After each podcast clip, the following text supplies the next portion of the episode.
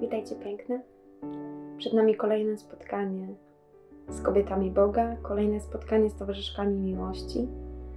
E, dzisiaj jedna z tych, która była niezwykle ważna e, dla Chrystusa i dla której Chrystus był niezwykle ważny. Dzisiaj zapraszam Was na spotkanie z Marią Magdaleną.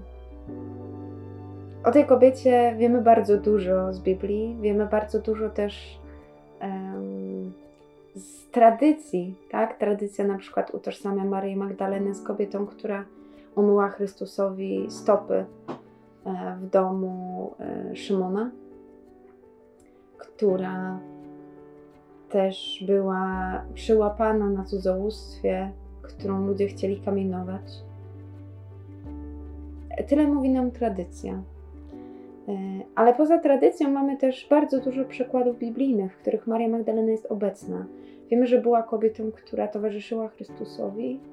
E, wiemy, że była tą, która szczególnie go umiłowała, dla której on był szczególnie ważny. Wiecie, zastanawiałam się, dlaczego, tak? Skoro było tak dużo kobiet, które były gdzieś e, w jego otoczeniu, tak ostatnio sobie mówiliśmy chociażby o Marii Kleofasowej, która też była w jego otoczeniu. Jednak tutaj z Marią Magdaleną jest inaczej. Co wiemy z Ewangelii? Wiemy to, że Chrystus wypędził z niej siedem złych duchów. Wyobraźcie sobie sytuację opętania człowieka, w którym jest aż siedem demonów. Siedem, nie jeden. Jakie ona musiała mieć spustoszenie w sercu? Jakie ona musiała mieć spustoszenie w całym życiu, skoro tak ono wyglądało? Później spotkanie z Chrystusem, które zmienia wszystko. Gdzie Magdalena uwierzyła w miłość. I to było to, co ją uratowało, co uratowało jej życie. Ona później szła za Jezusem jako za miłością swojego życia. Tak mamy w apokryfach jakieś domniemania a propos związku bezpośredniego Chrystusa z Marią Magdaleną. Biblia nam tego nie potwierdza. Ja myślę, że była to relacja oblubieńcza, nieseksualna, oblubieńcza ze strony Marii Magdaleny. To znaczy, Maria się faktycznie zakochała w Chrystusie. Maria faktycznie traktowała go jako najbliższego sobie człowieka. Ona nie założyła rodziny. E, ona nie, nie miała dzieci, nic o tym nie wiadomo. Wiadomo, że całe swoje życie poświęciła jemu. I wiadomo, że była pod krzyżem, że była na drodze na Golgotę, że wytrwała przy ukochanym do samego końca. Maria Kleofasowa była tam też dla Maryi, tak, z którą była rodziną. Maria Magdalena była, bo chciała, bo potrzebowała, bo nie wyobrażała sobie być gdziekolwiek indziej. Piękny obraz tej miłości Marii e, jest w objawieniach świętej Katarzyny. E, na jej podstawie tak była nakręcona pasja Mela Gibsona, która mówi o tym, że to była kobieta zakochana w Chrystusie, która widziała w nim piękno, w nim dobro, która się zakochała, zachwyciła w jego oczach i która faktycznie umierała z nim na Golgocie. Te opisy są przerażające, ale myślę, że bardzo dobre teraz na Wielki Post, na ten ostatni tydzień, żeby sobie zobaczyć, co to znaczy kochać, żeby też zobaczyć, gdzie ja jestem. Czy ja faktycznie tylko mówię, Jezu, kocham Cię, czy ja naprawdę przeżywam Jego ogołocenie, Jego ubiczowanie, Jego ukrzyżowanie. Jak się czyta opisy e, świętej Katarzyny, to tam jest wiadomość o tym, że ona z nim umierała. To znaczy, ona przeżywała to tak bardzo, że odchodziła od zmysłów. Mamy tam taki zapis. Czy kiedykolwiek w taki sposób patrzyłaś na cierpienie Chrystusa? Czy kiedykolwiek naprawdę się tak nim przejęłaś, żeby to odprowadzało cię od zmysłów? Wiecie, i tutaj nie chodzi o to, żebyśmy teraz w Wielkim Poście właśnie, nie wiem, biczowały się, czy robiły różne tego typu praktyki. Ale chodzi o to, żeby naprawdę się tym przejąć, żeby zobaczyć w naszym Bogu cierpiącego człowieka, cierpiącego ukochanego,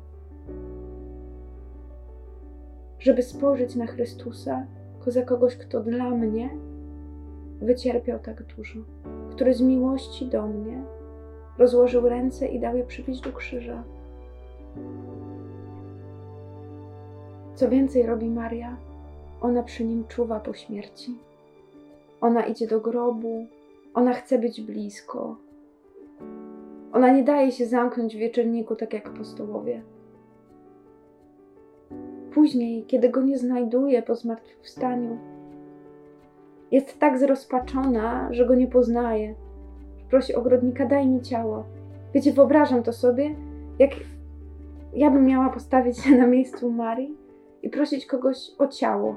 Dobrze, co ja bym z nim zrobiła? Nie miałabym nawet siły go podnieść. W Marii jest taka miłość, że ona tego nie, nie racjonalizuje. Ona po prostu chce mieć bliskość swojego mistrza. Chce mieć bliskość miłości swojego życia. Co się dalej z nią dzieje? Staje pierwszą misjonarką. Zostaje pierwszą, taj, jakby orędowniczką zmartwychwstania. I to spotkanie właśnie przy grocie, przy grobie, w ogrodzie jest dla mnie bardzo symboliczne. Jezus dla niej mówi Mario. On mógł powiedzieć, nie wiem, niewiastą, mógł powiedzieć kobieto, e, mógł powiedzieć, wszystko, wszystko mógł powiedzieć. On z nią rozmawia, pyta kogo szuka, potem mówi Mario. I na to słowo jakby Marii spadają łuski z oczu, że go rozpoznaje, mówi Rabbuni. Tak, nie rabbi, Rabbuni. To znaczy to jest zdrobnienie. Mówi bardzo intymnie. Rozpoznaje Chrystusa po tym, jak on do niej mówi. Wiecie, i zastanawiałam się nad tym, co to mówi do nas. Jedno. Jesteśmy powołane do tego, żeby być z Jezusem w takiej relacji, żeby faktycznie rozpoznawać go po tym, jak on wypowiada nasze imię. Żeby przyjmować to, jak my jesteśmy przez niego widziane, jak jesteśmy przez niego kochane. To, że nikt tak nie mówi mojego imienia jak Chrystus. Masz taką relację, że usłyszysz i, i wiesz, że on mówi, że on powiedział, że on do czegoś cię zaprasza. Maria usłyszała. I Maria poszła dalej, to znaczy ona poszła głosić. Ona wróciła do apostołów, nikt jej nie uwierzył. Oczywiście mądre chłopy wszystko wiedzą. A ona się tym nie przejęła. A powiedziała, Jezus tak powiedział, róbcie co chcecie. Nie. Wiecie, to jest też mądrość Marii. To jest to, że ona mając taką, a nie inną historię życia, uwierzyła, że jest powołana do czegoś innego. Nie przestraszyła się tych demonów, nie przestraszyła się swojej przeszłości, nie przestraszyła się swojego tak, być może życia nierzędniczego. Wiemy, że pochodziła z Magdali, więc prawdopodobieństwo, że była prostytutką jest ogromne.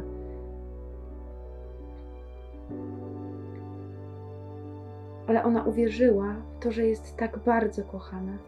I ta miłość sprawiła, że rozpoznała Zbawiciela. Zrobiła to, czego nie zrobili uczniowie, idąc na drodze do Emaus później. Tak oni spędzili z nim dużo więcej czasu niż ona. Ona usłyszała swoje imię. Cię chciałabym Was do tego zaprosić w tych dniach, w tych dniach Wielkiego Tygodnia, kiedy będziemy tak na początku bardzo szczególnie celebrować przyjaźń z Chrystusem. Kiedy będziemy na nowo patrzeć na, na to, co to znaczy, że On nas kocha. Żebyśmy spróbowały usłyszeć swoje imię. Swoje imię wypowiadane Jego ustami, to jak On do nas mówi to w jaki sposób, ile czułości jest w tym. Ile w tym jest takiego spojrzenia też i wiary w to, że jesteśmy stworzone do rzeczy wielkich. Maria uwierzyła miłości i towarzyszyła jej do końca po to, żeby później nawet koniec, nawet śmierć niczego nie skończyła. Stała się pierwszą z misjonarek, stała się misjonarką narodów dzięki jednemu słowu, dzięki swojej ufności, dzięki temu, że była gdzieś tam może wiedziona typowo ludzkimi uczuciami, tak? Chociaż mówi Rabbuni, to znaczy ona wierzyła, że Chrystus jest Mesjaszem. Uczmy się od niej, uczmy się takiego patrzenia też na siebie i zasłuchania w to, w jaki sposób Bóg do nas mówi.